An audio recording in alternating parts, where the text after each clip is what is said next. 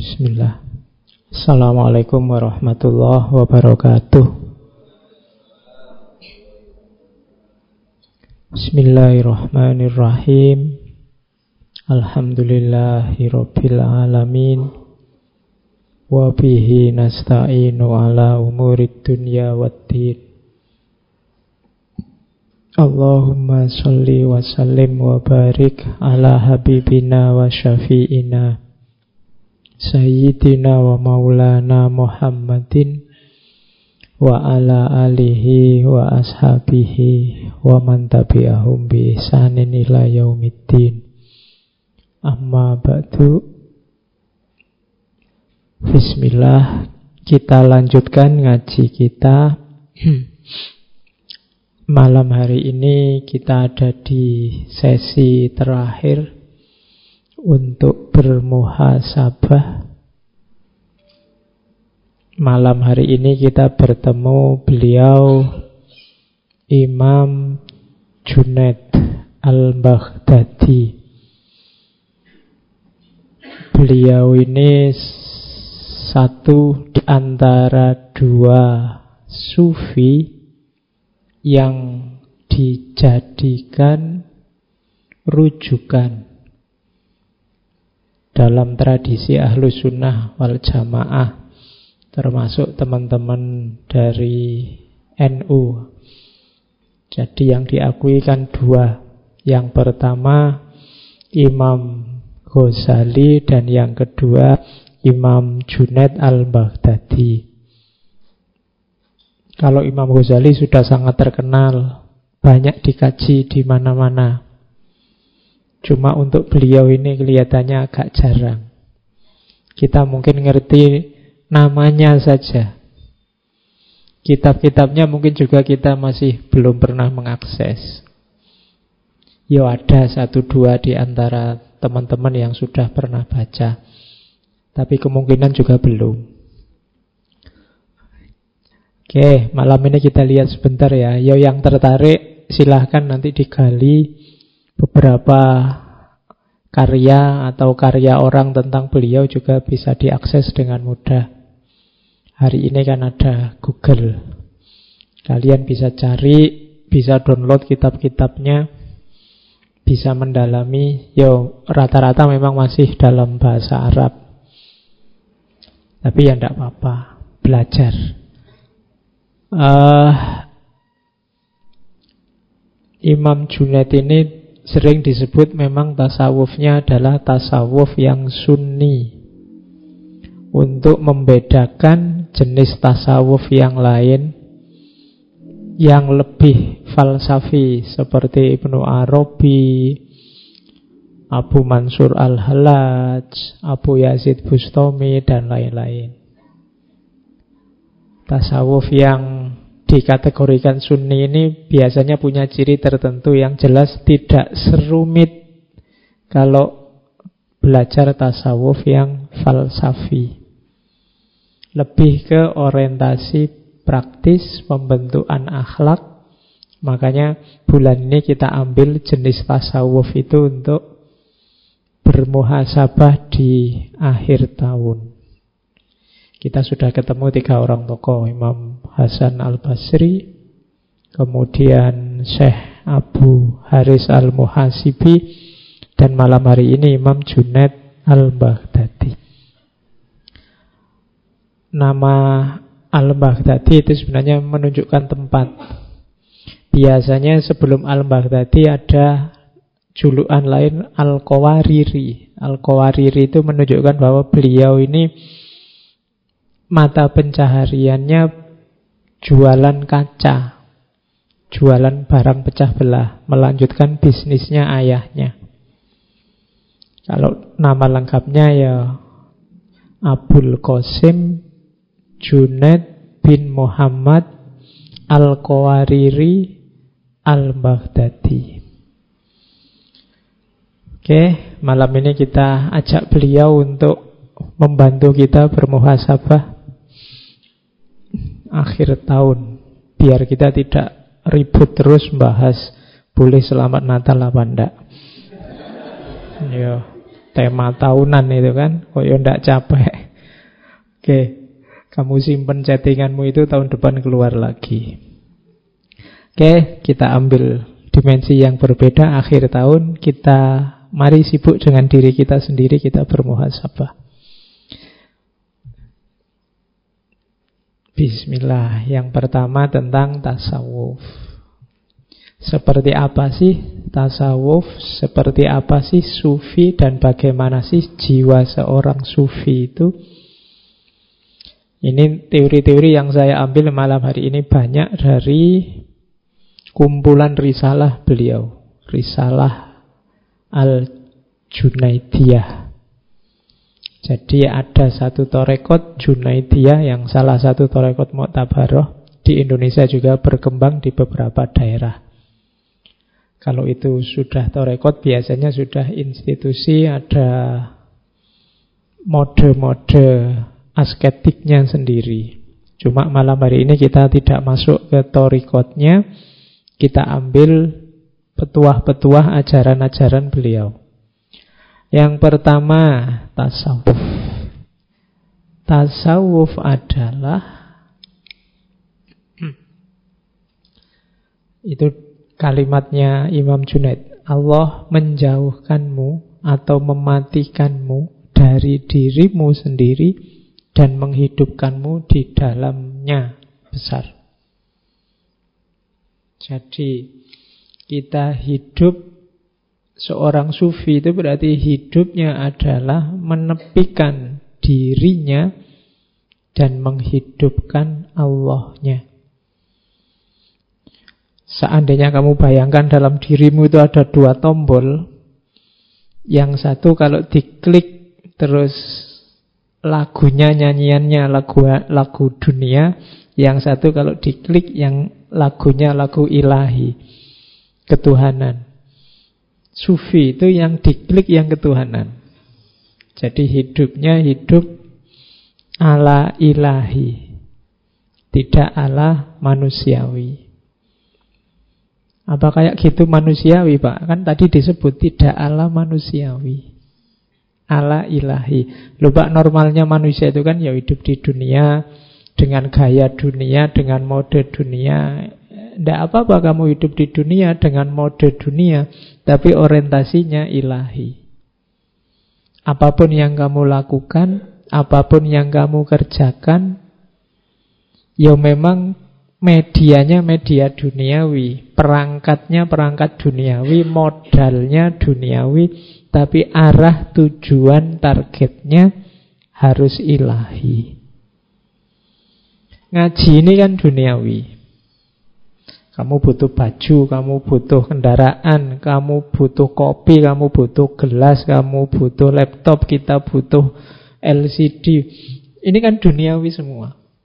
Tapi barang-barang duniawi ini kita ajak untuk mengilahi, untuk merohani. Kalau kopi itu kamu ajak melekan nonton sepak bola misalnya, nah itu kamu ajak duniawi. Tapi kalau kopi kamu jadikan media untuk melekan ngaji, bukan ngaji filsafat lah, nggak mungkin kamu melekan ngaji filsafat. Ya. Jadi kalau melekan ngaji Quran misalnya kamu ajak dia merohani, mengilahi. Kalau motormu kamu ajak jalan-jalan ke mall, ya dia sedang menduniawi. Tapi kalau kamu ajak ke masjid untuk jamaah, dia kamu ajak untuk merohani, mengilahi. Nah, hidupnya seorang sufi itu seluruh aspeknya dibawa untuk hidup di dalamnya. Itulah yang disebut mengilahi. Kalau kalian nanti belajar mengolah rohanimu, mengilahi, jiwamu akan tertempa. Diilustrasikan di kalimat yang kedua itu. Jadi tasawuf itu menempa jiwa. Katanya Imam Junaid, kita tidak menjalankan tasawuf dengan banyak bicara saja. Kila wa kola. Al-kil wal kol. Kita kan seneng belajar tasawuf. Kadang-kadang kita mimpi ingin jadi tas sufi, terus punya karomah apa, terus bisa menaklukkan orang, bisa menyembuhkan orang, macam-macam cita-citamu. Tapi kebanyakan hanya gila wakola. Kita hanya wacana. Kalau pas ngaji kayak gini, bayanganmu sufi aku ini. Pokoknya ya ngono. Cuma ya pas gini aja wacana. Begitu nanti pulang ya balik kayak asale. Tadinya apa, ya besok apa, kembali lagi begitu. Itu namanya gila wakola. Hanya ngomong saja. Sudah bolak-balik ngaji tema sufi, ya jiwamu ndak nyufi-nyufi. Keseharianmu juga ndak berubah. Maka katanya Imam Junaid, kita tidak menjalankan tasawuf dengan banyak bicara saja. Makanya beliau agak tidak cocok dengan sufi yang agak bulat, agak rumit, agak dengan teori macam-macam, filosofi macam-macam. Tidak. Praktek saja sudah. Tapi kita melakukannya dengan lapar, maksudnya puasa. Meninggalkan seneng-seneng di dunia, kelezatan dunia. Dan melepaskan segala hal yang menyenangkan dan indah. Karena tasawuf adalah kemurnian hubungan dengan Allah yang dasarnya menghindari kesenangan dunia. Jadi sufi itu hidup di dalam Allah dan praktekkanlah, jangan cuma diteorikan. Itu tuntunan dari Imam Junaid. Kalau sukses, di situ nanti lahir Islam yang rahmatan lil alamin. Kaum sufi adalah seperti bumi semua kotoran dicampakkan kepadanya, namun tidak menumbuhkan kecuali segala tumbuhan yang baik. Bumi itu kan tempat sampah yang sejati. Kamu buang sampah ya ke bumi, melakukan yang jelek-jelek juga di bumi. Tapi bumi selalu memberikan yang baik-baik. Dia memberi tumbuhan yang baik-baik. Makanan kita sumbernya sebagian besar dari bumi. Jadi karakternya sufi yang pertama Meskipun banyak kotoran diberikan padanya Selalu yang baik-baik diberikan. Kalau ada orang mencaci maki kamu Dan kamu balesnya juga caci maki Ya berarti kamu normal bukan sufi. Kalau sufi diberi yang jelek Yang diberi yang dikembalikan yang baik. Simbolnya bumi Simbol bumi yang lain berarti apa? Diinjak orang soleh maupun orang munafik, dia tetap stabil. Sebagaimana mendung, dia juga memayungi segala yang ada. Seperti air hujan, dia mengairi segala sesuatu. Jadi jiwanya sufi itu stabil.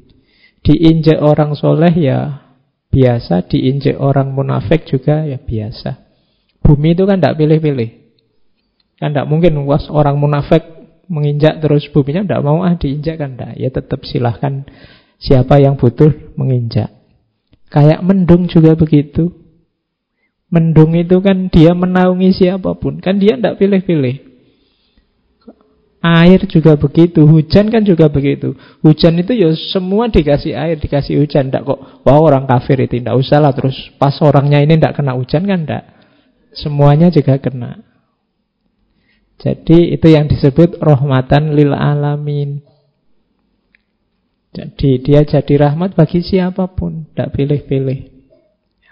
Kalau kalian nyampe level ini, jiwamu jiwa sufi sudah. Jadi analoginya simbolnya bumi. Diberi kotoran bermacam-macam, balasannya yang baik-baik. Diinjak siapa pun diperlakukan sama. Siapa pun dinaungi. Kalau mau memberi tidak pilih-pilih semua diberi yang baik-baik. Ah, itu simbolnya bumi. Yang ketiga, jika engkau melihat seorang sufi menaruh kepedulian kepada penampilan lahiriahnya, maka ketahuilah wujud batinnya rusak. Nah, Kalau dua yang atas, paragraf itu menunjukkan jiwa sufi, hati-hati. Yang ketiga ini jiwa bukan sufi. Orang yang sibuk dengan penampilan lahiriah. Jadi orang yang sibuk dengan hal-hal yang duniawi yang kelihatan. Kalau sudah sibuknya itu berarti batinnya rusak. Apa ndak boleh Pak pakai baju yang bagus, pakai baju yang pantas, yang sopan? Boleh, tapi jangan sibuk di situ. Kalau yang kamu pedulikan, kamu sibukkan hanya itu, ah itu ciri-ciri batinnya sudah rusak. Jadi jiwa sufi itu berarti apa? Selalu menaungi, membantu siapa pun, memberi yang baik pada siapa pun, dan tidak sibuk dengan hal-hal lahiriah, atribut-atribut duniawi. Kalau kalian punya kualifikasi ini berarti jiwamu jiwa sufi. Eh, terus kenapa banyak orang suka pada Imam Junaid dan tidak terlalu kontroversial sebagaimana sufi-sufi yang lain? Karena dalam Imam Junaid ada mempertemukan syariat dan hakikat. Jadi batin ya, tapi tidak batin saja, karena batin itu punya jembatan lahir. Katanya Imam Junaid, ilmu kami diukur dengan Al-Quran dan Sunnah. Siapa yang tidak hafal Al-Quran, tidak menulis hadis, dan tidak belajar fikih, tidak boleh ikut. Ini syaratnya kalau ada orang ingin melamar jadi muridnya Imam Junaid. Jadi selalu katanya Imam Junaid, ilmu kita ini ukurannya Quran dan Sunnah. Maka yang mau jadi muridku harus hafal Al-Quran, pernah nulis hadis, berarti dia belajar hadisnya dalam kemudian ngerti fikih, baru tasawuf. Kalau Quran tidak ngerti, sunnah tidak ngerti, fikih tidak paham, jangan belajar sufi dulu. Nah itu maunya Imam Junaid. Imam Junaid ini juga fakih. Dia kepala kodi pada zamannya. Jadi syaratnya saya tidak tahu kalau kalian ngelamar diterima apa enggak. Abot, hafal Quran, ngerti hadis, ngerti fikih. Baru boleh ikut jadi muridnya. Dan muridnya banyak. Imam Junaid itu muridnya banyak. Meskipun beliau ini tidak terlalu suka ceramah, tidak terlalu suka khutbah. Banyak orang minta Imam Junaid itu khutbah. Di awal-awal beliau jadi sufi, tapi tidak ada satupun yang diterima. Termasuk gurunya guru dan juga pamannya. Syekh Syarri As-Sakoti Syekh Syarri bolak-balik minta tidak dituruti. Pokoknya dia tidak mau khutbah.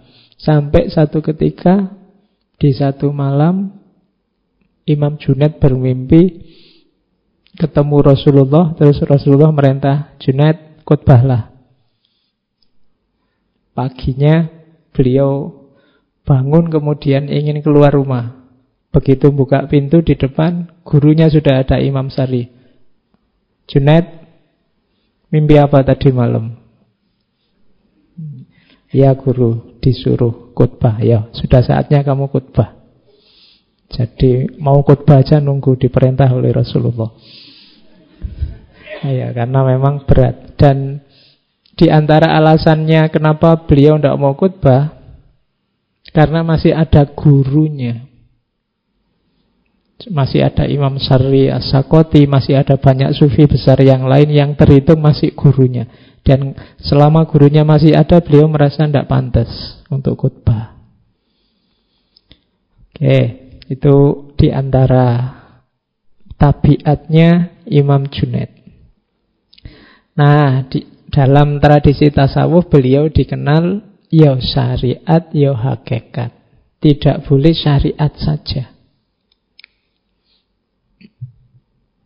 Jadi beliau kadang-kadang mengkritik sejumlah sufi yang sering membuat kontroversi termasuk muridnya Abu Mansur Al-Hallaj. Al-Hallaj itu muridnya Junaid. Kenapa beliau mengkritik para sufi yang kontroversi itu? Karena bukan karena anti sama ajarannya. Tapi menurut Imam Junaid kontroversi-kontroversi satohat-satohat yang kontroversial ini hanya bikin rumit. Hanya melahirkan polemik. Kadang-kadang terus ditunggangi penguasa. Orang awam itu levelnya tidak sama dengan para sufi, katanya Imam Junaid. Kalau diberi hal-hal yang kontroversi, mesti rame, terus gegeran. Nah, kalau sudah penguasa masuk, ini bisa dipolitisir. Entah yang pro, entah yang kontra. Maka katanya Imam Junaid, sebaiknya para sufi tidak memproduksi gagasan-gagasan yang kontroversial yang hanya nambah masalah saja. Oke, ini yang membuat nanti tasawufnya Imam Junaid banyak disukai karena beliau tidak meninggalkan syariat. Ada cerita, jadi ada seorang muridnya yang menyatakan ngutip dari sufi yang lain bahwa orang itu kalau sudah sampai level makrifat bisa melakukan apa pun termasuk meninggalkan kewajiban. Mungkin kalian pernah dengar ya ada kalau sufi itu wis tidak wajib sholat. Kalau levelnya sudah makomnya sudah makrifat itu yang kewajiban-kewajiban itu sudah saatnya ditinggalkan sudah tidak level. Jadi kalau ada temannya, kamu sholat, sholat, oh, kok kamu tidak sholat, ah, tidak level, levelku sudah, ya, kan kita sering gitu, meng mengkritik orang, merendahkan orang dengan kalimat tidak level.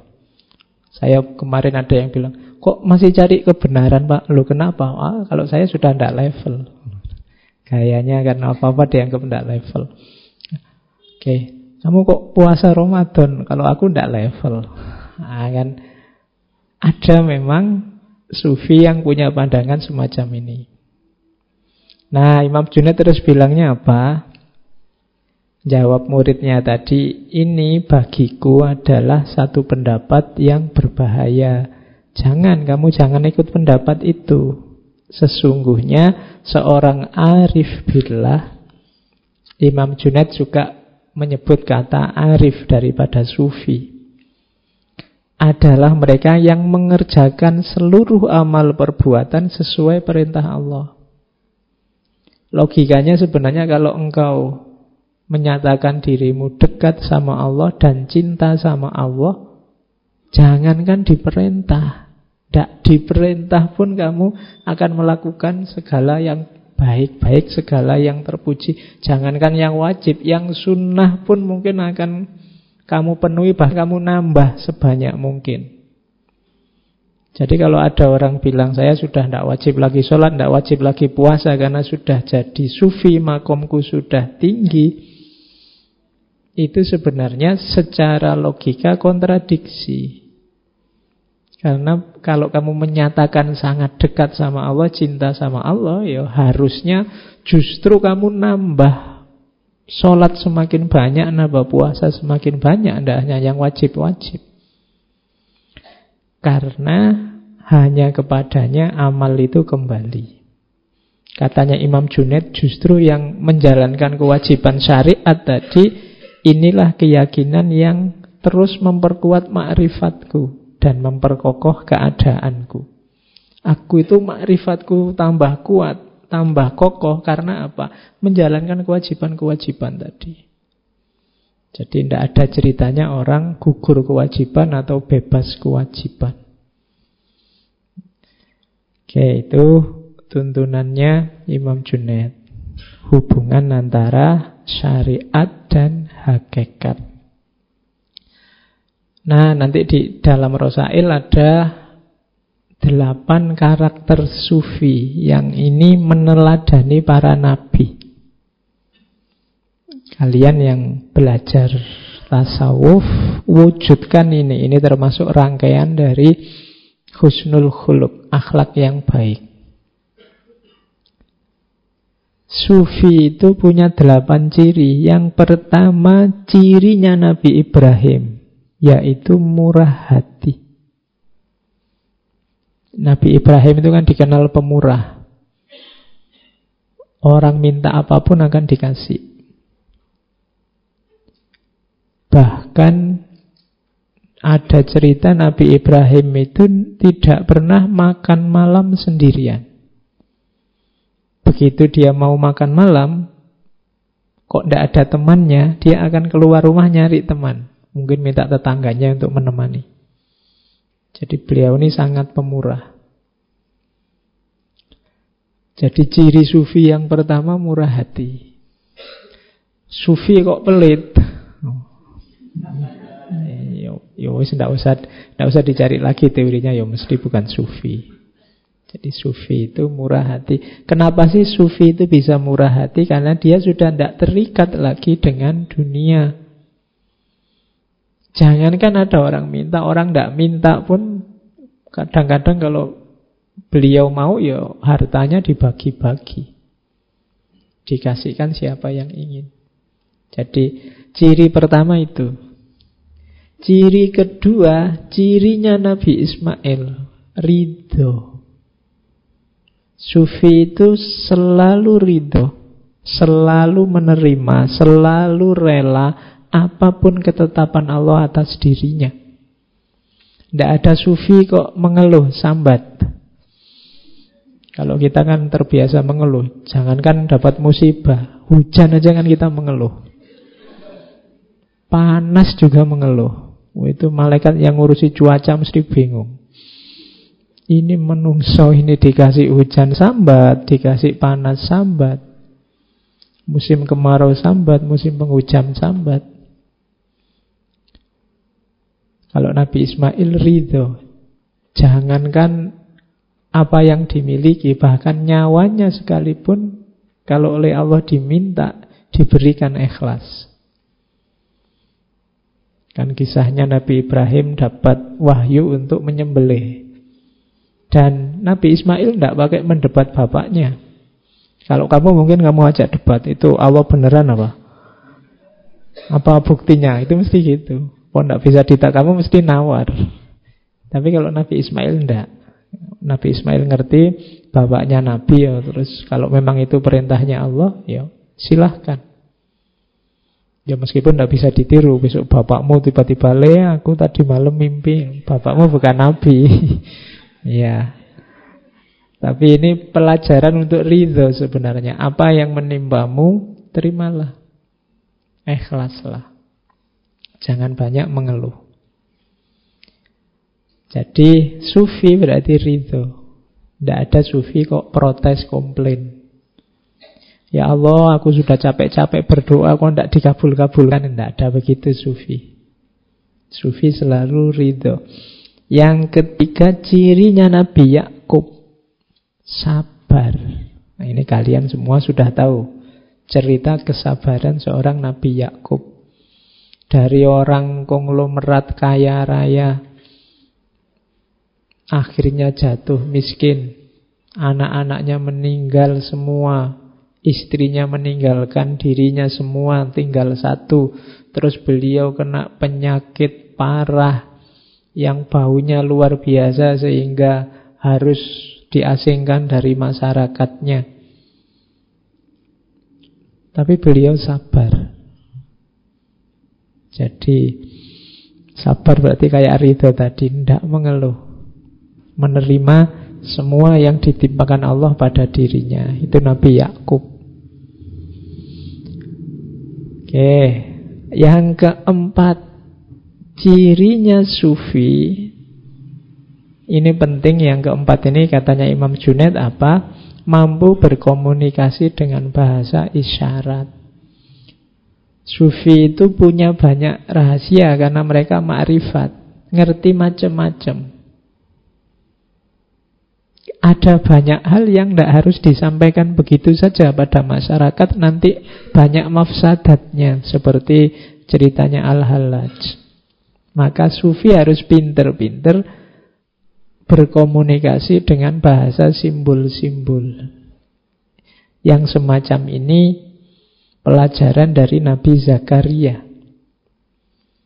Jadi Nabi Zakaria itu tidak punya anak sampai usia 90-an. Kemudian berdoa, saking sabarnya berdoa, akhirnya dikabulkan oleh Allah ya di usia 90-an itu. Sudah sama-sama tua. Istrinya juga sudah sangat tua. Begitu oleh Allah dibilang, kamu akan aku beri anak. Karena Nabi Zakaria terus tanya, buktinya apa? Buktinya adalah engkau ketika nanti berkomunikasi dengan masyarakatmu. Kamu tidak bisa ngomong biasa semacam ini, tapi dengan kode-kode, dengan rumus-rumus. Illa romza. Nah, itu pelajaran dari sini menurut Junet, rahasia-rahasia Allah yang dalam itu kadang-kadang butuh komunikasi yang simbolik. Makanya kalau istilahnya Ibnu Arabi kan ada creative imagination. Imajinasi kreatif simbol-simbol yang mudah dipahami. Makanya Suhrawardi pakai simbol cahaya. Nanti mungkin sufi yang lain pakai simbol yang lain. Karena kalau diomongkan apa adanya orang bisa salah paham. Nah, pelajaran dari Nabi Zakaria. Kemudian yang kelima, sufi itu harus tidak terlalu terlibat dengan masyarakatnya. Kalau dalam ajaran sufi ada istilah uzlah. Dalam filsafat kan ada asumsi bahwa orang itu kalau selalu berada dalam kerumunan, dia akan lenyap di telan kerumunan. Dirinya sendiri bisa hilang di telan kerumunan. Maka sufi mengajarkan Uzlah, uzlah itu coba menjauh sebentar dari masyarakatmu. Kalau kamu ada di situ terus, nanti lama-lama mana baik, mana buruk di situ tidak akan kelihatan. Sekali-sekali menjauh sebentar. Difikir lagi dari jauh. Kalau kalian terlibat terus, nanti kalian tidak kritis. Susah untuk refleksi, susah untuk muhasabah. Wong kamu sibuk terus di situ. Menjauhlah sebentar. Makanya para sufi itu kan dikenal dengan tradisi menenggang dunia. Menenggang dunia itu menjauh sedikit biar bisa melihat dunia agak jauh. Kalau agak jauh nanti akan kelihatan wajahnya dunia yang sejati. Kalau sangat dekat tidak kelihatan. Orang itu ganteng apa cantik kan kelihatan kalau ada jarak. Kalau nempel hidung sama hidung Mulut sama mulut itu tidak peduli sudah cantik apa tidak cantik. Wong tidak kelihatan. Kalau sudah tidak ada jarak itu sama saja. Jadi cantik apa jelek itu sebenarnya lebih sering urusan jarak. Jadi jaraknya harus pas. Terlalu jauh tidak kelihatan kamu cantik apa jelek. Terlalu dekat juga tidak kelihatan.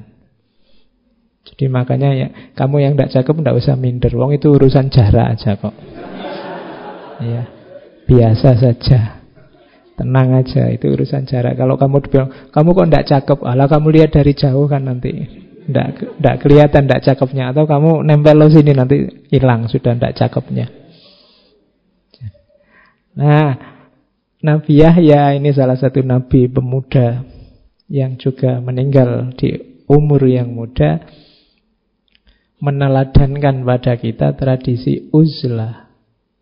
Jangan terlalu dekat terlibat dengan kehidupan sehari-hari sehingga mengacaukan kebersihanmu.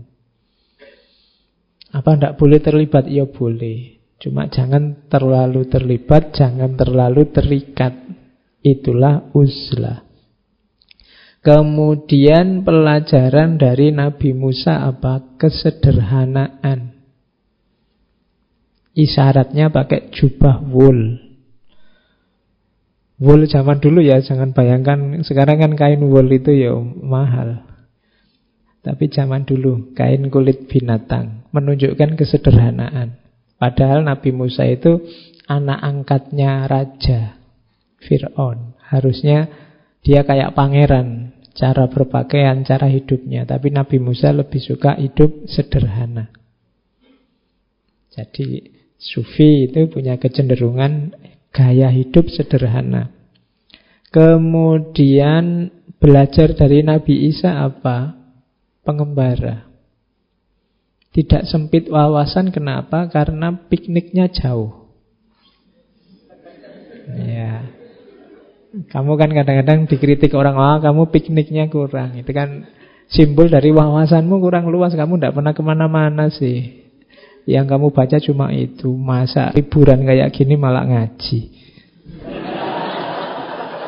Iya. Mbok yo kalian itu rekreasi ke mana biar ngerti macam-macam. Nabi Isa itu kan kalau dibaca sejarahnya kan beliau ke mana-mana semua muridnya jalan ke mana menuju ke mana.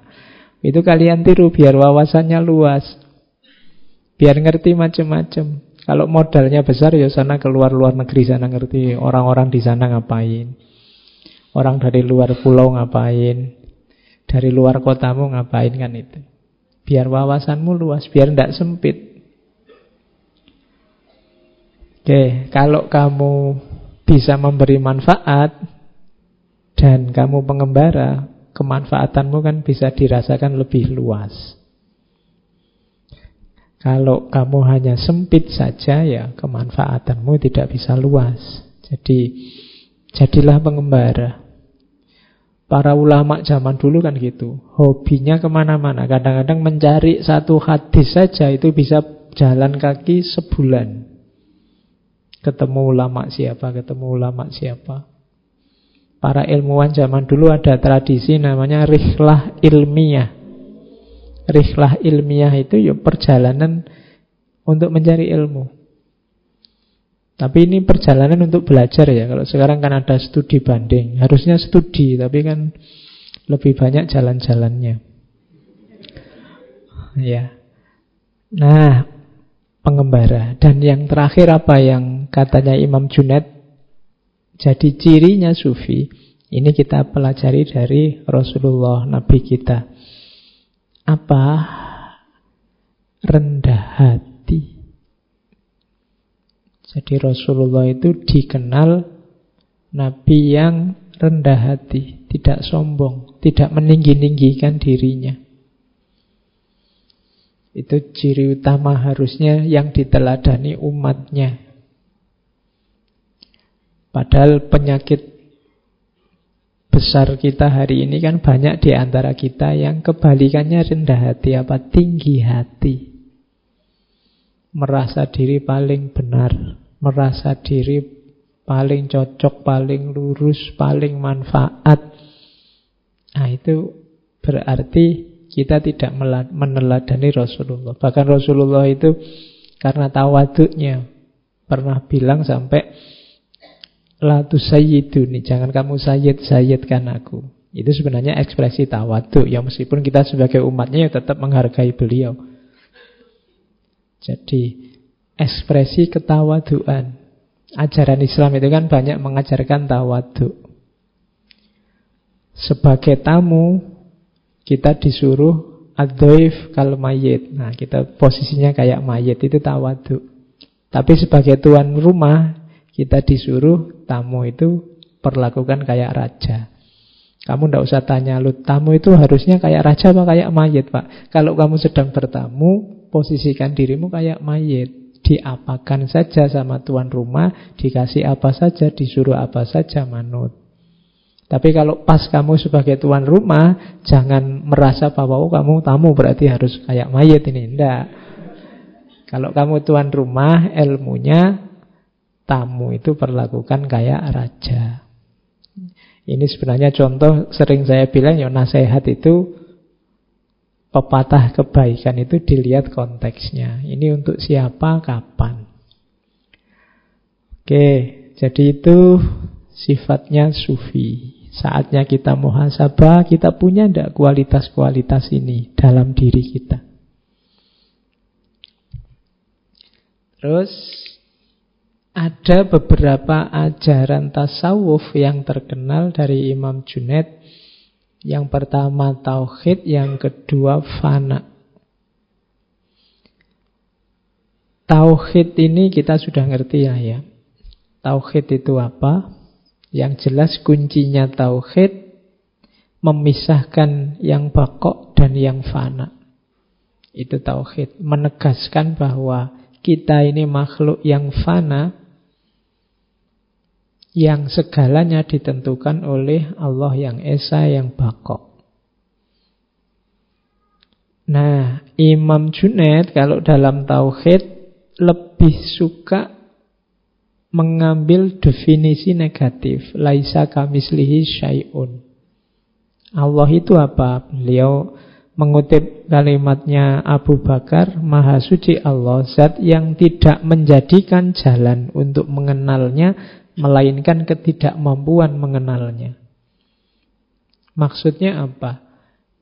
Cara kita untuk mengenal Allah adalah dengan cara mengakui bahwa kita tidak akan mampu mengenalnya. Itu kalimat filosofis ini.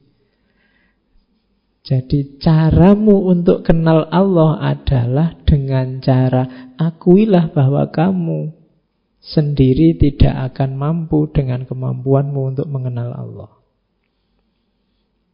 Kenapa? Karena Allah itu laisa kamislihi syai'un. Tidak bisa ada imbangannya apa pun termasuk konsepmu, termasuk gambaranmu, termasuk imajinasimu. Jadi makanya kalimat tauhid itu diawali la ilaha. Semuanya harus dinafikan kecuali dia. Berarti termasuk pikiranmu, gagasanmu, bayanganmu tentang Allah, nafikan semua. Pokoknya hanya Allah yang ada, yang itu tidak terjangkau olehmu. Kayak semacam ini kalau dalam studi agama disebut teologi negatif.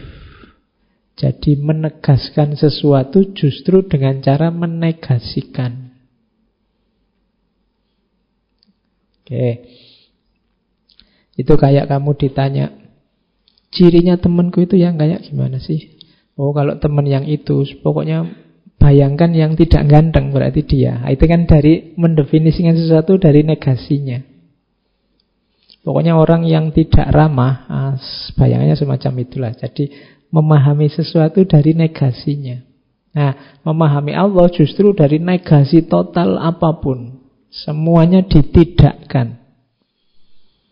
Nah, itulah baru kita kenal Allah. Jadi maha suci zat yang menjadikan jalan bagi makhluknya untuk mengenalnya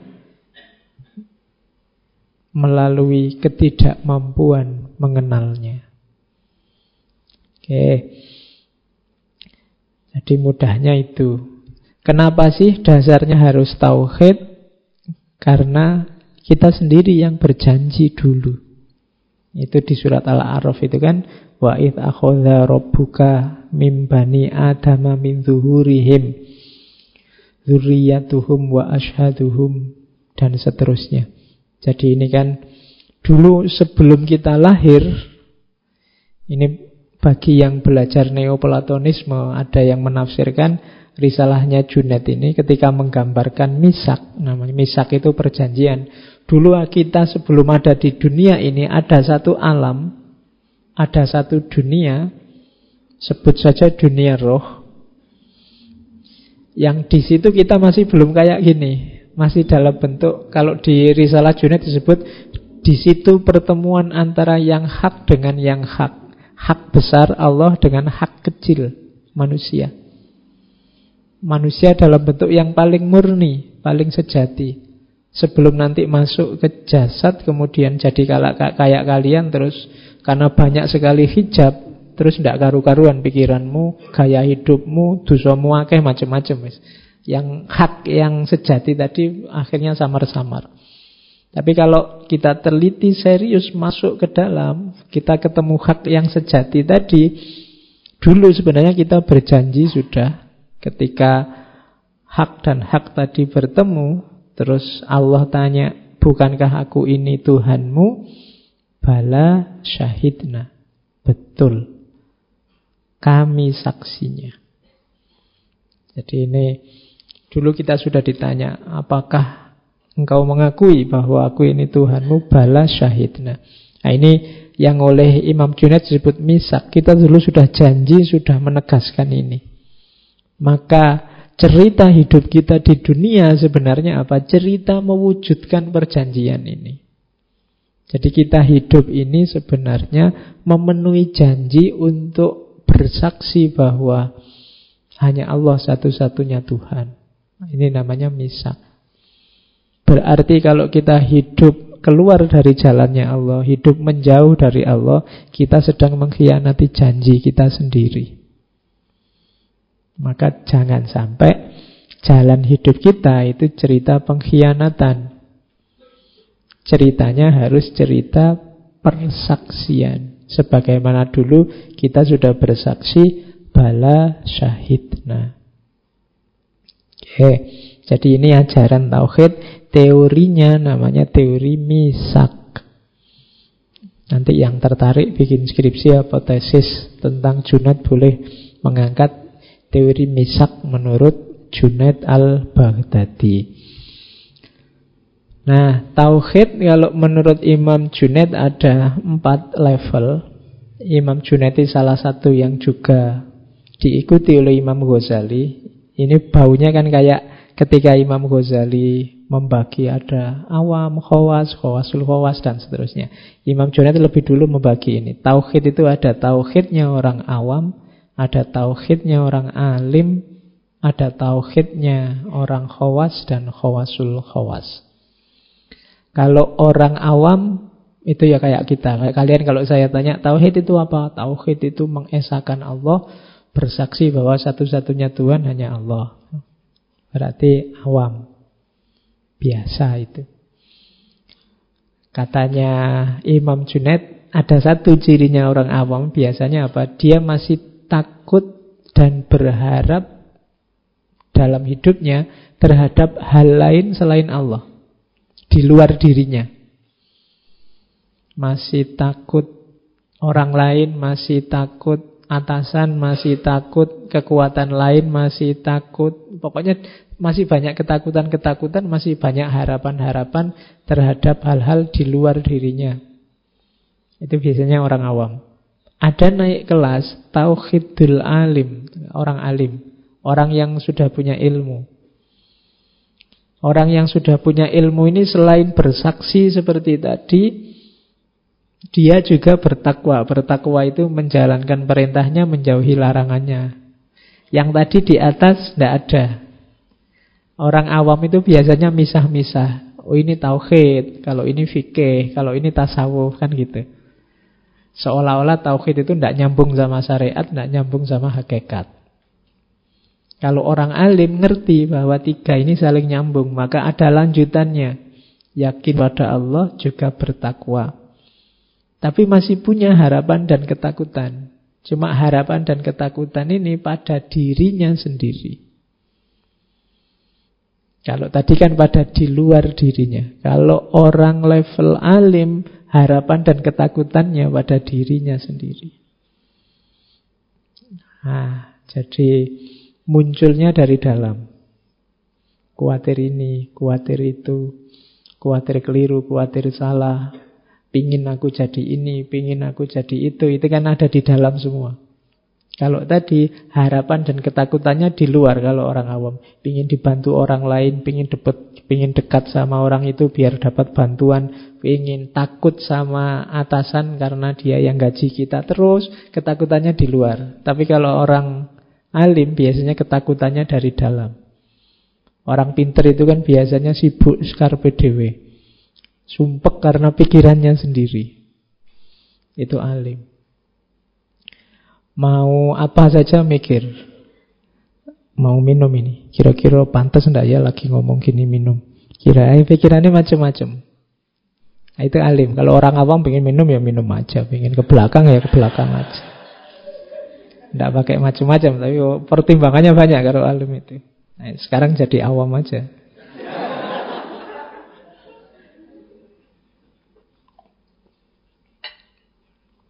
Nah, terus ada lagi satu level lebih tinggi. Level lebih tinggi ini sebagaimana tauhidnya orang awam, orang alim, tapi sekarang harapan dan ketakutan itu hanya Allah. Sandarannya. Jadi kalau alim tadi kan harapan dan ketakutannya ada dalam dirinya. Kalau khawas itu sudah. Khauf dan rojaknya Allah. Itu orang khawas. Ada lagi lebih tinggi dari khawasul khawas. Harapan dan ketakutannya sudah tidak ada lagi. Satu-satunya yang ada hanya Allahnya. Kenapa? Dirinya sendiri sudah ditepikan. Orang khawasul khawas itu sudah tidak mempertimbangkan dirinya. Yang ada hanya Allah. Makanya sufi itu dikatakan bahwa kalau dia berjalan, Allah yang jadi kakinya. Kalau dia bicara, Allah yang jadi mulutnya. Kalau dia melihat, Allah yang jadi matanya. Nah, ini menunjukkan bahwa posisi dia sekarang digantikan oleh Allah hasrat duniawi, ambisi duniawi disisihkan. Kemanusiaan dan macam-macam ditaruh di pinggir. Disisihkan bukan dibuang, ditaruh di pinggir. Yang di tengah hanya Allah. Makan, minum, pangkat, jabatan, semua yang dunia itu di pinggir. Yang di tengah hanya Allah. Makan, waktunya makan, ya makan. Secukupnya saja untuk memenuhi kebutuhan menghidupkan Allah dalam dirinya. Dunia juga begitu diambil secukupnya saja, sebutuhnya saja. Dia sudah di pinggir. Oke, itu level-levelnya tauhid. Orang bisa sampai ke level khawasul khawas kalau dia mengalami ini. Fana. Jadi fana itu ketika seorang sufi begitu terpesona dengan Allah, ini nanti hubungannya sama mahabbah, saking terpesonanya, dia tidak sadar apa pun selain Allah. Ini yang jatuh cinta mesti pengalaman semacam ini. Jadi ketika kalian begitu jatuh cinta sama siapa, itu kan dunia ini sudah tidak penting lagi. Ya bahasamu kan dunia milik berdua sudah kan. Ya. Yang lain tidak dihitung sama sekali.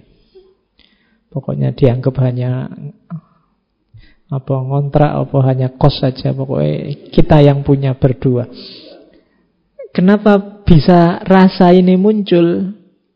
Karena terpesona tadi. Kamu jatuh cinta itu kan terpesona awalnya. Masuk biasa-biasa kan enggak? Kok kamu jatuh cinta? Tidak tahu, tapi biasa itu. Tidak cinta itu namanya. Jatuh cinta itu ada wow, ada terpesona yang bikin kamu bingung, puyeng, tujuh keliling. Kalau tidak ketemu sebentar aja, pengen ketemu luar biasa, kangennya. Nah, ini orang mengalami ini tapi sama Allah. Sampai di titik dirinya sendiri dianggap ada. Yang ada hanya dia. Ini dulu kalau di Jamik kan apa di cerita Yusuf Zulaikha atau di Nizami di cerita Laila Majnun itu. Ketika orang sudah dirinya sendiri dianggap tidak ada, tidak penting.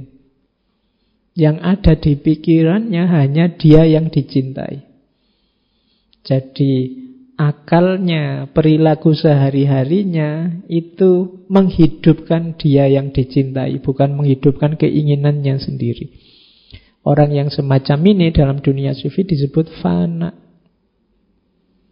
Makanya para sufi itu rajin puasa, sholat bisa ratusan ribuan rokaat dalam sehari, zikir tidak berhenti-berhenti. Bisa semacam ini ketika dia terpesona dengan Allah dan menghidupkan Allah dalam dirinya. Bukan menghidupkan keinginannya sendiri. Kalau keinginannya sendiri yang dihidupkan, mungkin tidak seperti itu. Ya ingin hidup kayak orang lain, ya ingin jalan-jalan, ya ingin makan-makan, ya pengen. Tapi tidak ketika sudah mengalami fana, semua yang lain tidak penting. Hanya Allah saja yang penting. Makanya fana itu gandengannya bakok. Bakok itu kesadaran menetap dalam Allah. Karena begitu diri kita disingkirkan, Allah kita hidupkan, nah kita hidup dalam level kesadaran keberadaan Tuhan. Itu namanya bako.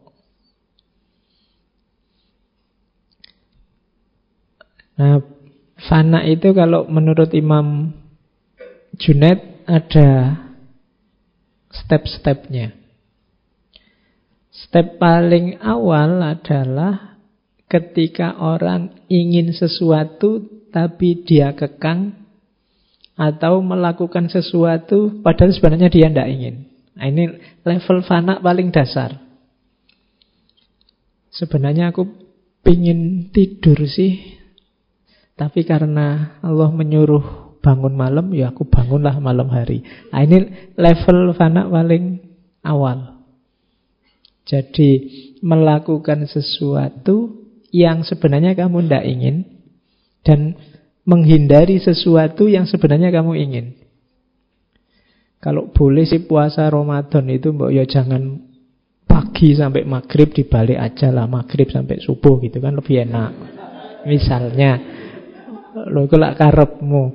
Kamu pinginnya begitu tapi kan anda ah, Allah nyuruhnya pagi sampai maghrib kok. Nah, ini level paling dasar menjalankan yang tidak kamu inginkan dan menghindari hal yang sebenarnya kamu inginkan. Jadi kalau boleh ya kamu pinginnya sama yang kamu taksir itu tiap hari berdua, bahkan tidur pun berdua kalau boleh. Sebel, tapi kan belum nikah, jadi tidak boleh. Akhirnya, oh tidak boleh ini, kan gitu. Sebenarnya kamu ingin pacaran sambil pegang-pegang, tapi tidak boleh. Nah, itu Kenapa tidak boleh? Allah lihat terus loh. Itu namanya fana level dasar. Jadi kalian yang punya pacar kok mengalami hal itu, misalnya mau pegang tangannya pacarmu tidak mau ah, nanti dilihat Allah loh, oh, pacarnya sedang fana.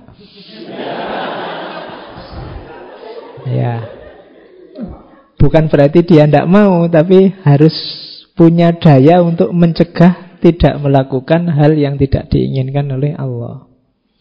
Ayo kamu dukung lah pacarmu sedang fana. Oke. Nah, itu level dasar. Sholat misalnya itu kan kadang-kadang kamu yo rodo wegah-wegah piye tapi karena sudah diperintah Allah ya jalan saja lah. Lumayan kalian ada di level paling awal. Tapi kalau bisa naik satu level lagi. Naik satu level itu kalau tadi kan masih ada keinginannya yang kalian tahan.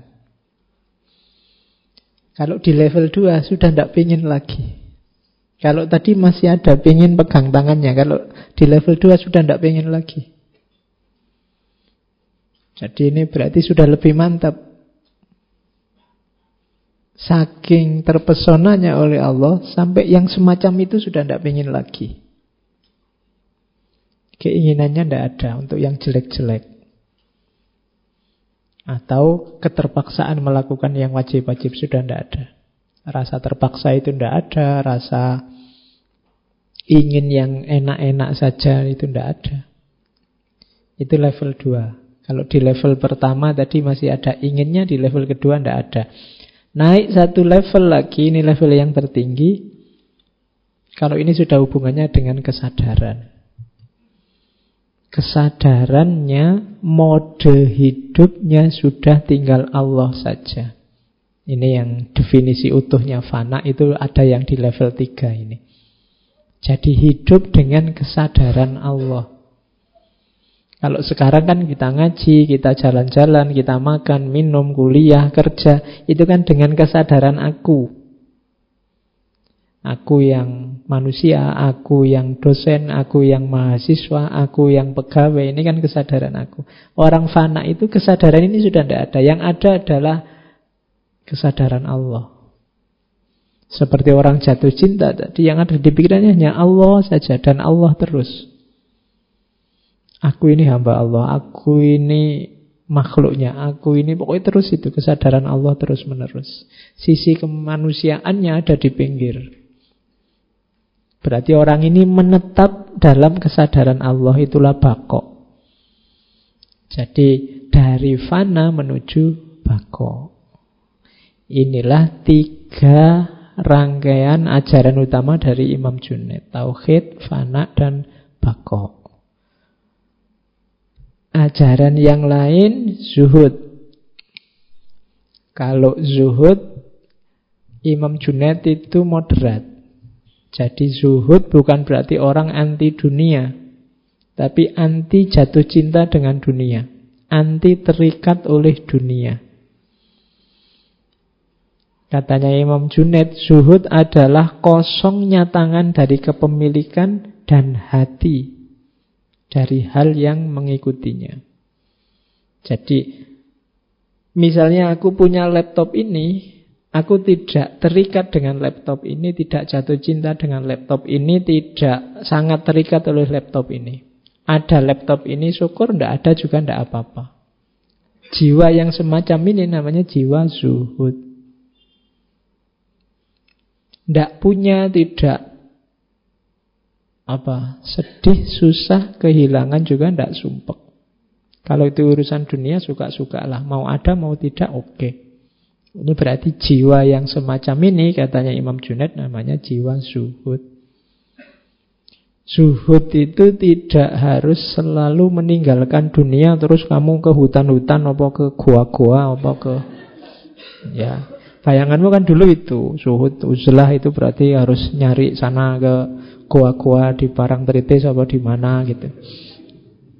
Enggak, zuhud itu melatih jiwamu ya beberapa sufi ada yang menyarankan menjauh dulu sementara. Menjauh sementara itu melatih jiwamu karena kalau kamu terlibat terus di situ biasanya susah untuk tidak terikat, tidak jatuh cinta dengan dunia, maka jiwamu dilatih dulu sampai kamu sadar, eh ternyata tanpa mobil pun aku bisa hidup bahagia. Oh ternyata tanpa HP pun aku bisa seneng-seneng. Oh ternyata tanpa laptop pun hidup nyaman-nyaman saja. Itu jadi tidak terikat.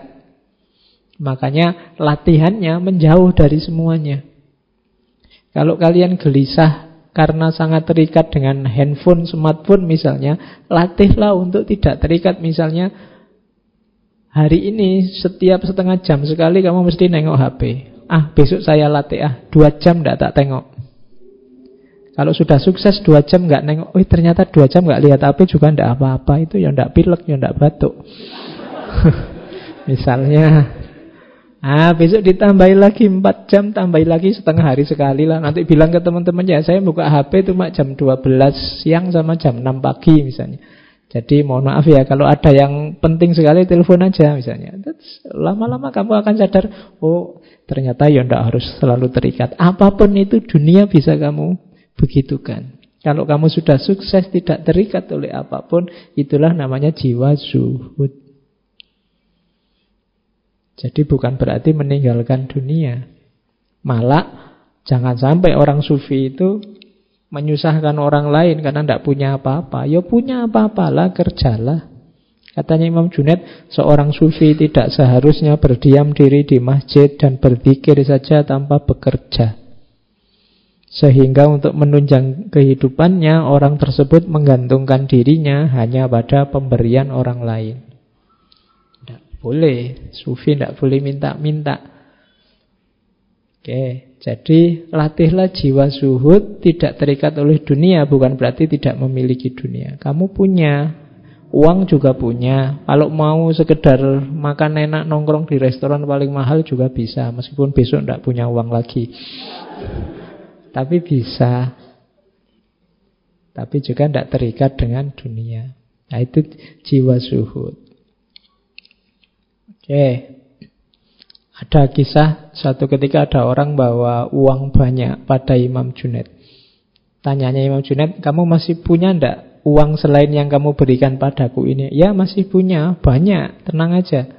Terus ditanya lagi, kira-kira kalau kamu dapat uang, pingin nggak dapat uang lebih banyak dari yang kamu punya sekarang? Ya pingin. Oh kalau gitu Kamu tidak usah ngasih saya lah, ambil lagi uangmu. Wong aku ndak pingin uang, kamu masih pingin uang. Jadi kan kamu lebih butuh berarti kamu bawa pulang lagi aja. Nah, itu ya. Kalau kamu bisa kayak Imam Junaid ini dahsyat kamu. Ada orang mau ngasih kamu tanya dia, sampean masih seneng nggak kalau dapat uang lagi, dapat uang lebih banyak? Iya. Ya, kalau gitu ambil aja. Saya ndak butuh uang kok. Oke, itu para sufi. Itu menunjukkan jiwa yang zuhud, tidak terikat. Ada kisah juga ini saya bawa ke sini sehubungan dengan suhud uzlah tadi. Hati-hati dengan menyendiri. Tadi meskipun sekali-sekali kita harus menjauh tapi jangan ada cerita muridnya Imam Junaid yang merasa wah aku level sufiku sudah tinggi. Kemudian murid ini Aku ingin hidup sendirian biar tidak terganggu orang lain. Aku pengen uzlah, pengen tirakatan sendirian, ingin menyendiri. Kemudian dia mengasingkan dirinya. Waktu asyik uzlah tiba-tiba satu malam datang orang membawa onta. Kemudian ayo ikut saya, tak antar ke surga. Dia ikut. Terus dibawa ke satu tempat, di situ banyak Orang ganteng-ganteng, orang cantik-cantik, makanan enak, macam-macam. Kegembiraan yang luar biasa. Ah, sering tiap malam datang ke sana dibawa ke tempat itu. Terus suatu ketika dia cerita pada muridnya Imam Junaid yang lain, aku itu tidak tahu, mungkin karomahku sudah luar biasa. Jadi tiap malam aku itu dijemput semacam dibawa ke surga. Nah, terus Imam Junaid dengar kata-katanya murid ini. Akhirnya dipanggil murid itu terus bilang, nanti malam kalau yang menjemputmu datang lagi dan kamu dibawa ke sana, coba ya kamu pas di sana ucapkan la haula wala quwata illa billahil aliyil azim. Nah, murid ini ikut petunjuk gurunya. Meskipun dia ragu-ragu. Ah, guru ini sirik aja, nggak nggak suka ada orang seneng. Iya. Akhirnya ya cobalah begitu benar malamnya dijemput kalimat ini diucapkan. Begitu kalimat la haula ini diucapkan semua keindahan di sekelilingnya lenyap. Akhirnya dia melihat bahwa eh ternyata dia hanya dibawa ke tempat pembuangan sampah yang di situ banyak tulang-tulang berserakan. Jadi ini isyarat dari Imam Junaid. Yo hati-hati juga kalau menjalani laku, menjalani tirakat. Harus ada pembimbingnya. Jangan jalan sendiri, hati-hati. Karena seperti di minggu lalu Imam Haris Al-Muhasibi bisikan itu bisa dari nafsumu, bisa dari setan, bisa dari Allah. Awas keliru, kamu butuh pembimbing. Oke. Ini sehubungan dengan suhud dan uzlah. Terus tawakal. Definisinya Imam Junaid tentang tawakal agak unik. Tawakal adalah kesadaranmu bahwa engkau adalah miliknya Tuhan. Seperti sebelum diciptakan seperti sebelum engkau terjadi. Jadi, kalau ingin tawakalmu sejati, kamu harus punya kesadaran seperti dulu kamu belum ada. Pas kita belum ada kan, kita tidak tahu kita jadi anaknya siapa, lahir di mana, kulit kita hitam apa kuning apa putih, rambut kita keriting apa lurus apa. Kita kan tidak tahu sama sekali. Semuanya Allah yang menentukan. Dan begitu kita lahir dengan kondisi kita kan kita terima apa adanya. Kamu kan tidak protes. Kok aku lahir di sini ndak ah, balik lagi kan ndak.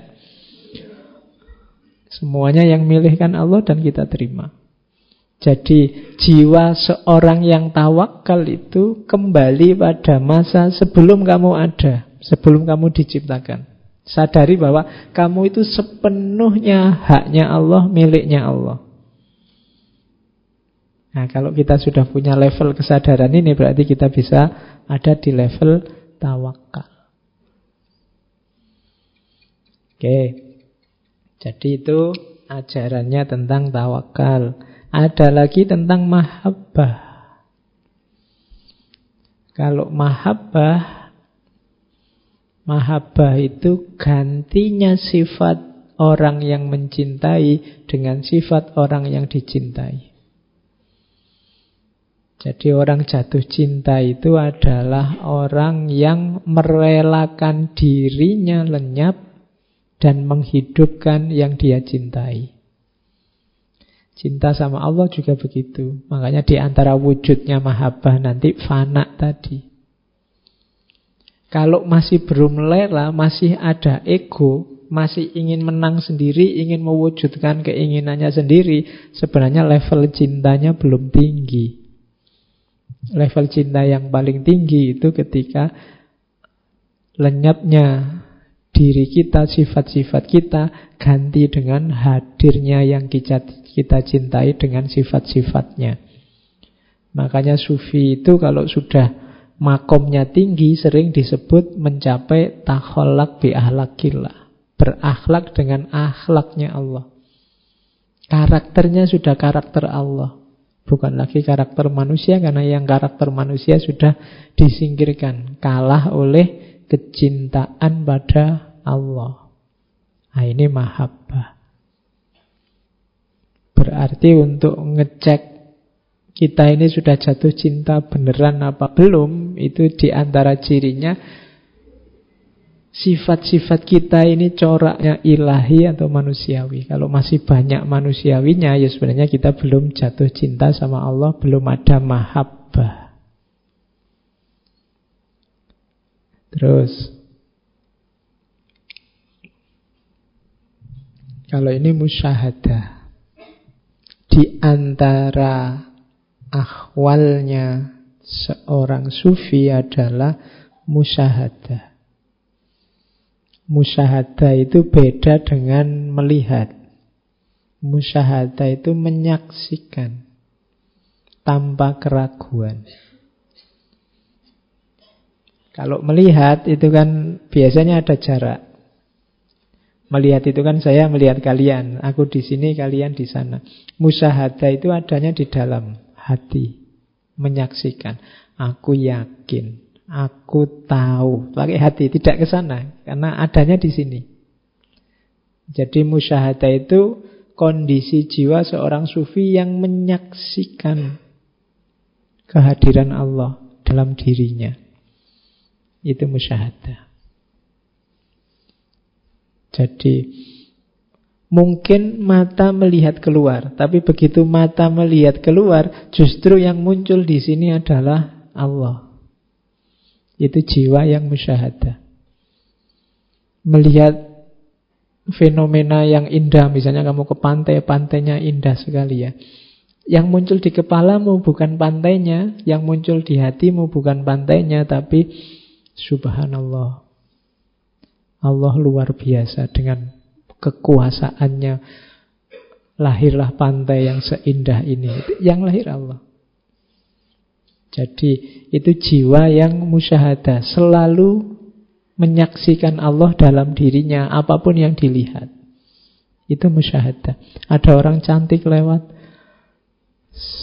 Ya subhanallah Subhanallah bukan nafsu loh ya Tapi asli ini musyahadah jadi hadirnya Allah dalam dirimu melihat apa pun.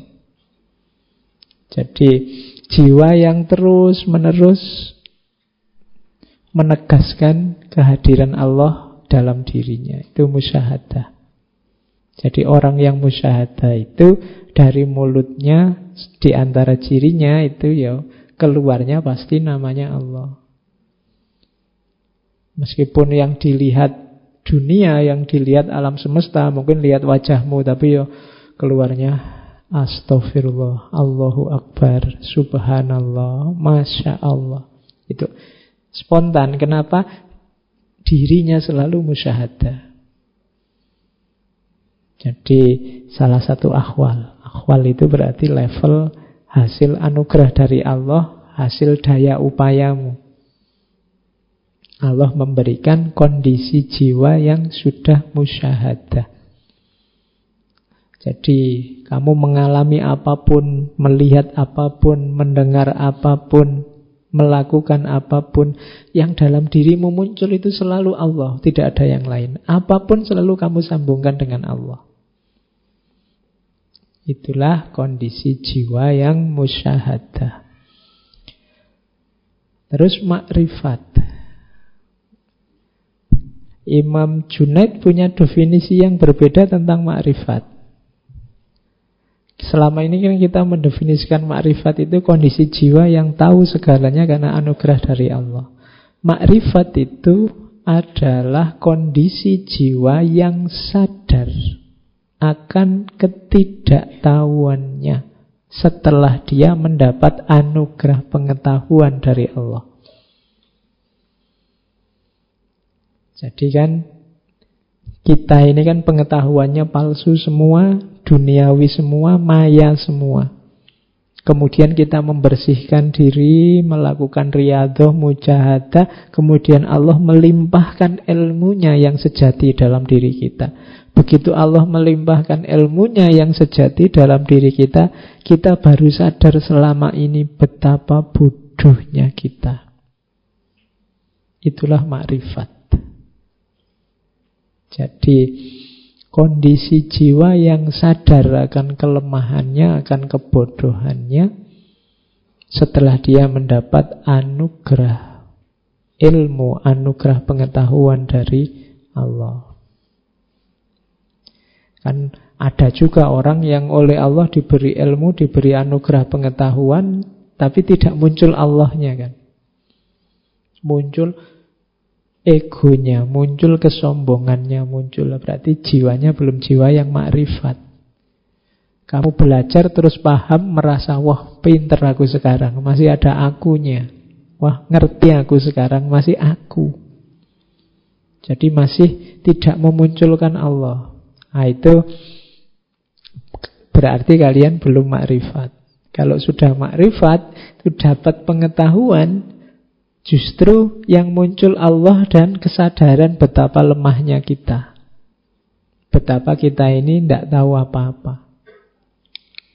Pengetahuan kita kan selalu pengetahuan yang terbatas, lokal, sejauh yang kita pahami, sejauh yang kita jangkau.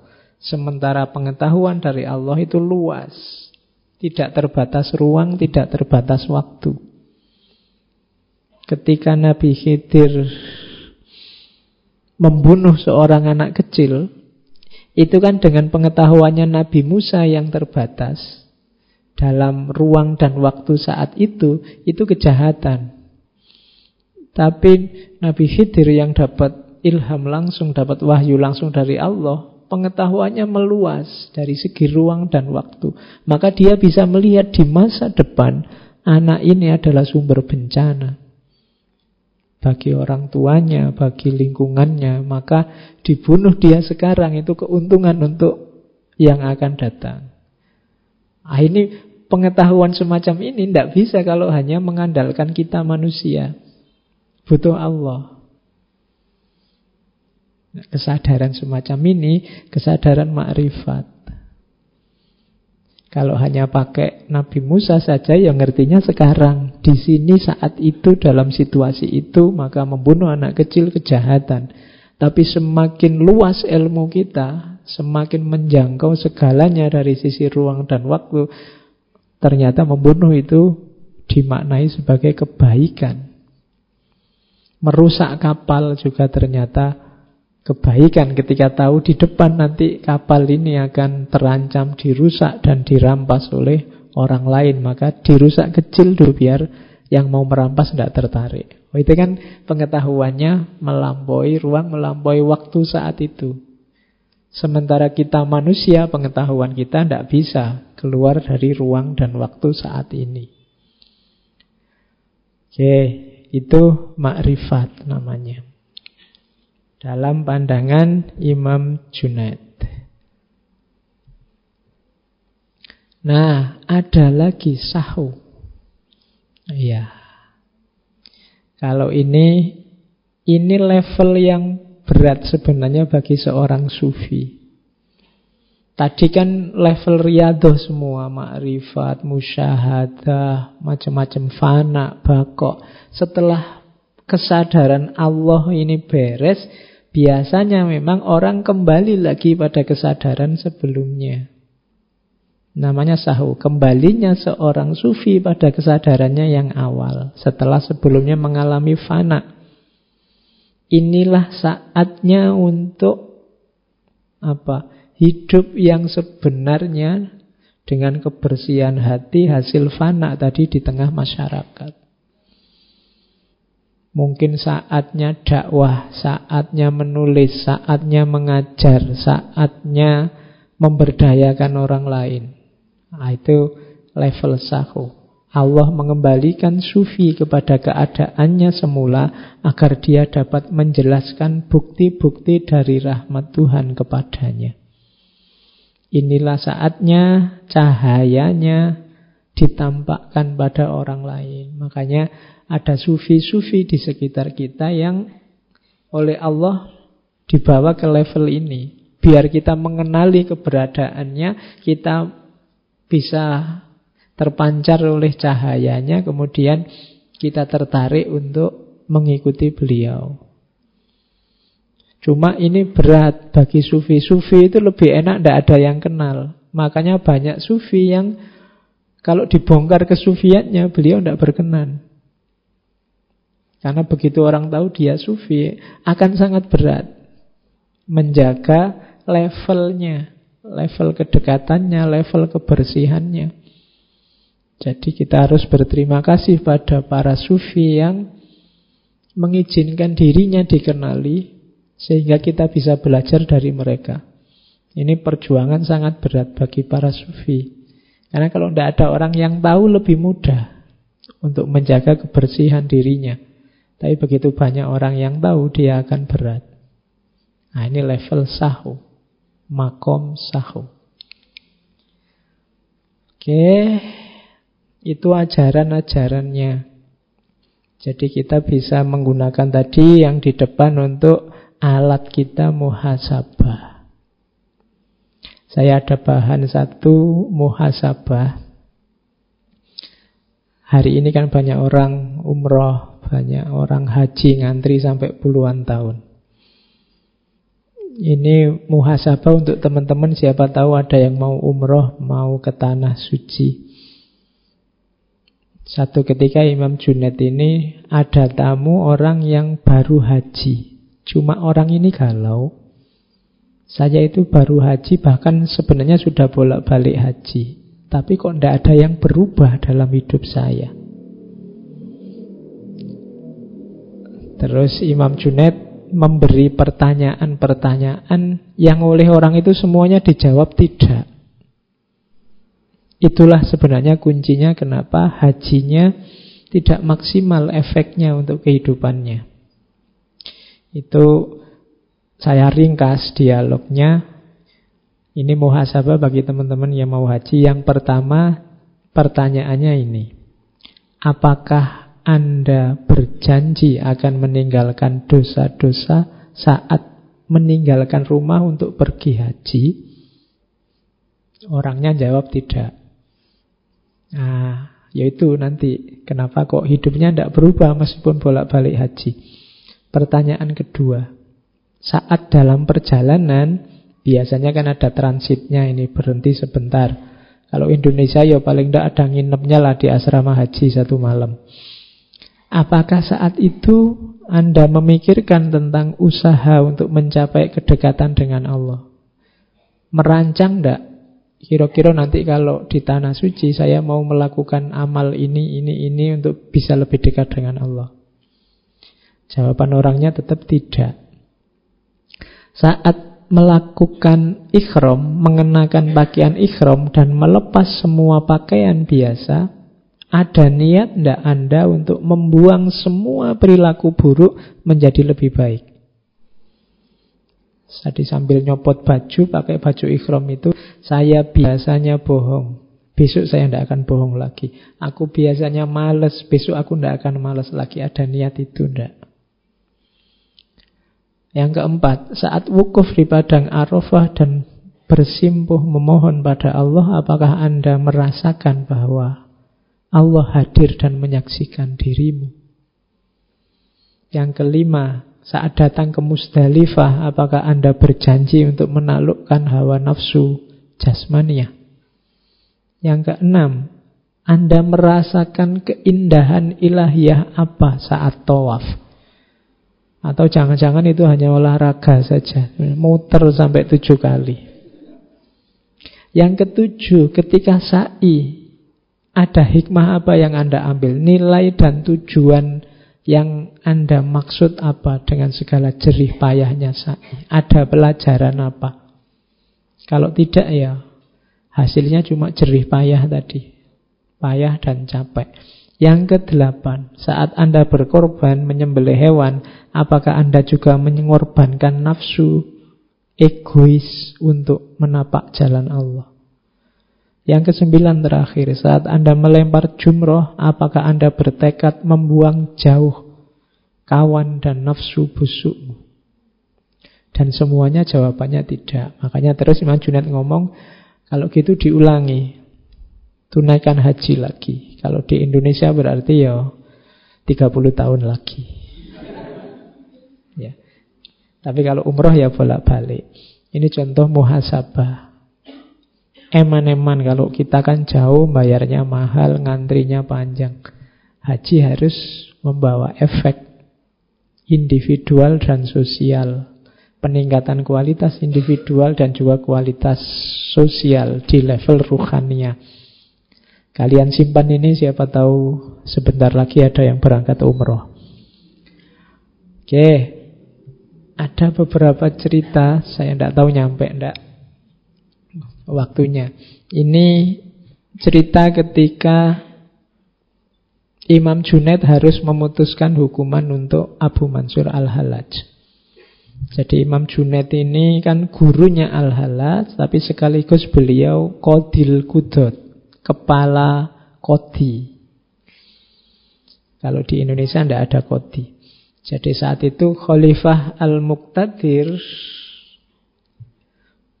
jadi bermaksud untuk mengeksekusi Al-Halaj. Cuma beliau tidak berani mengeksekusi Al-Halaj sebelum ada izin dari Imam Junaid berkali-kali mengirim surat pada Imam Junaid dikembalikan. Sampai enam kali suratnya kembali. Baru di surat yang ketujuh sambil disertai permohonan yang sangat karena ini masyarakat sudah sangat resah. Kekacauan di mana-mana. Akhirnya di surat yang ketujuh dijawab oleh Imam Junaid menurut hukum syariat Mansur al-Hallaj dapat dihukum mati. Tetapi menurut hakikat hanya Allah yang tahu.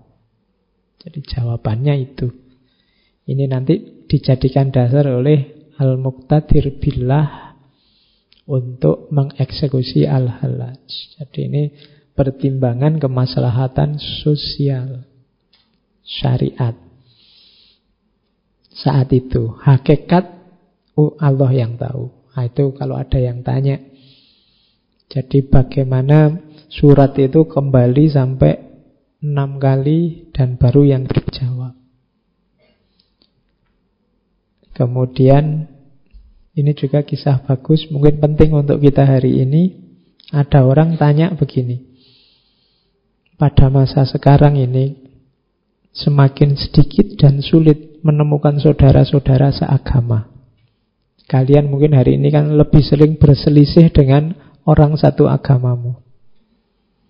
Jawabannya Junaid, jika engkau menghendaki orang untuk memikul bebanmu, maka orang-orang seperti itu memang sulit dan sedikit.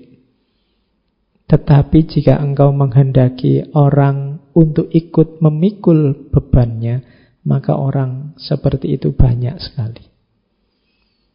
Jadi kenapa kita hari ini gelisah nyari saudara kok susah sesama saudara seagama gegeran terus kemungkinan mental kita yang keliru. Kita ingin membebankan pikiran kita, membebankan gagasan kita, membebankan keinginan kita pada orang lain. Kita ingin pandangan kita, gagasan kita, keinginan kita dipahami orang lain. Orang lain menginginkan hal yang sama. Akhirnya kita sulit ketemu saudara. Masing-masing kukuh dengan egonya. Kalau ingin banyak saudara, mentalnya dibalik. Jadi, carilah orang untuk engkau bantu mengangkat bebannya. Bukan cari orang untuk membantu mengangkat bebanmu. Untuk kita bantu mengangkat bebannya apa berarti? Kita pahami posisinya, kita pahami situasinya, kita bantu mewujudkan harapan-harapannya. Kalau mental kita semacam ini, kita akan ketemu banyak sekali saudara. Jadi mental ingin membantu bukan mental menuntut. Nah, kita kembangkan mental membantu tadi bukan menuntut. Kalau hanya menuntut, yo lahirnya pasti konflik masing-masing menuntut. Oke. Yang lain bisa dibaca sendiri. Ini beberapa quotes bagus. Katanya Imam Junaid, seorang fasik yang berakhlak baik lebih aku cintai daripada seorang korik yang berperilaku buruk. Ini isyarat bahwa akhlak itu penting.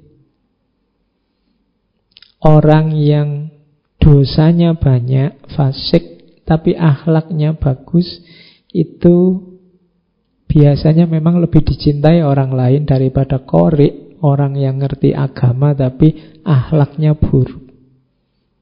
Akhlak buruk itu ya yang dia sebarkan hanya kesulitan, mafsadat, kerusakan. Biasanya kurang dicintai. Makanya kalau bisa ya korik yang ahlaknya baik. Nah, ini lebih manfaat. Kemudian makan bersama-sama itu ibarat menyusu bagi bayi. Maka lihatlah dengan siapa kalian makan bersama. Ini kehidupan sosial ya. Kalian bersama siapa, ikut siapa, kelompokmu apa. Itulah tempat kalian menyusu. Menyusu ilmu, menyusu pengetahuan. Perhatikan pada siapa, dalam hal apa kalian menyusup. Kemudian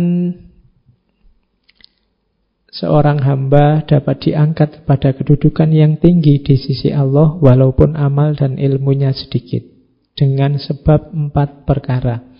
Kalau kita merasa amal kita sedikit, kita merasa ilmu kita juga sedikit, kalau ingin derajat kita tinggi, lakukan empat hal.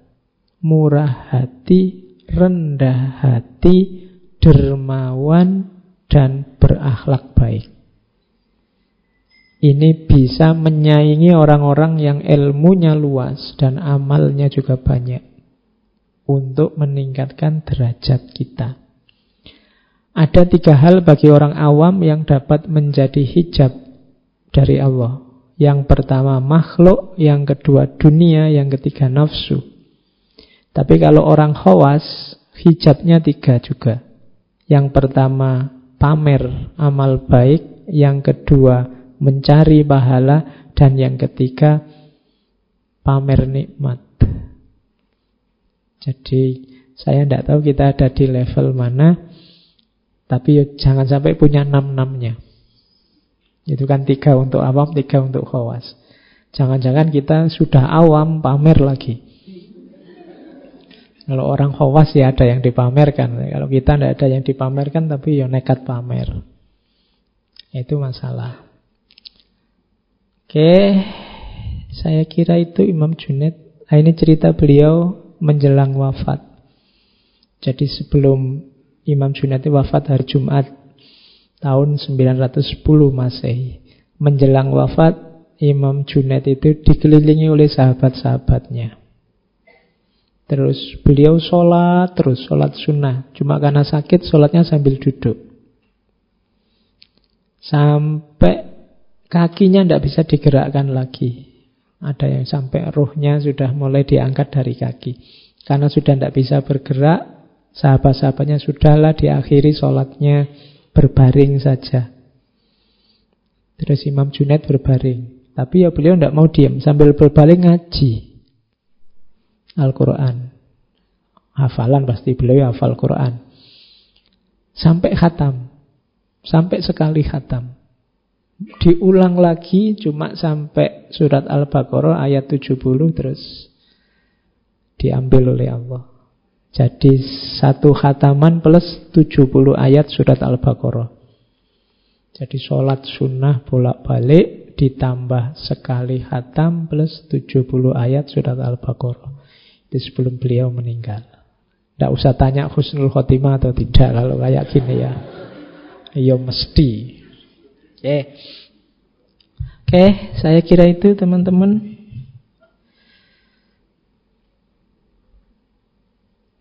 Untuk sesi muhasabah saya kira sudah selesai. Teorinya sudah ya, tinggal prakteknya. Ya, Silahkan sudah ada bekal tiga orang tokoh Nanti malam tahun baruan bisa dipakai untuk muhasabah di kamarnya masing-masing Untuk bikin resolusi tahun 2020 Bulan depan kita mulai sesi yang baru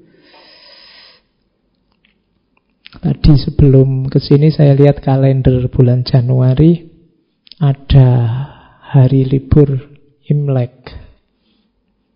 Tiba-tiba saya ingat sudah sangat lama saya tidak membawa materi tentang filsafat timur. Oke ya, bulan depan kita ke timur. Ikut hadis Nabi, Utlubul ilma walau bisin kita ngomong Chinese philosophy. Mumpung Imlek, dulu kita sudah pernah mengangkat Konfusius dan Lausu, Taoisme dan Konfusianisme. Bulan depan kita angkat tokoh-tokoh kelanjutannya. Ada Mencius, ada Sunsi, ada kalau ini dari Konfusius, kalau yang dari Tao kita ambil Zhuangzi, kemudian ada aliran baru zaman itu yang mengkritik konfusianisme namanya mohisme. Tokohnya namanya Mozi atau Moti. Jadi kita punya empat tokoh ya. Bulan depan, tapi Rabunya lima. Yang kelima nanti tema sisipan, kayak Abu Nawas dulu. Tema sisipannya apa, ndak tahu besok apa. Kita tunggu moodnya yang ngomong. yang penting tema utamanya adalah filsafat timur. Oke, dimulai minggu depan tepat tanggal 1 Januari. Kalau ada yang tanya libur apa enggak, ya semoga tidak. Kalau libur ya berarti empatnya pas. Tapi kalau enggak, ya berarti kita mulai minggu depan, kemudian minggu terakhirnya tema sisipannya. Tema sisipan itu tema-tema biasanya yang banyak yang minta, cuma karena pertimbangan tema-tema bulanan akhirnya kelewatan terus. Oke, saya kira itu teman-teman, kurang lebihnya mohon maaf. Wallahul muwafiq, wallahu a'lam bisawab. Wassalamualaikum warahmatullahi wabarakatuh.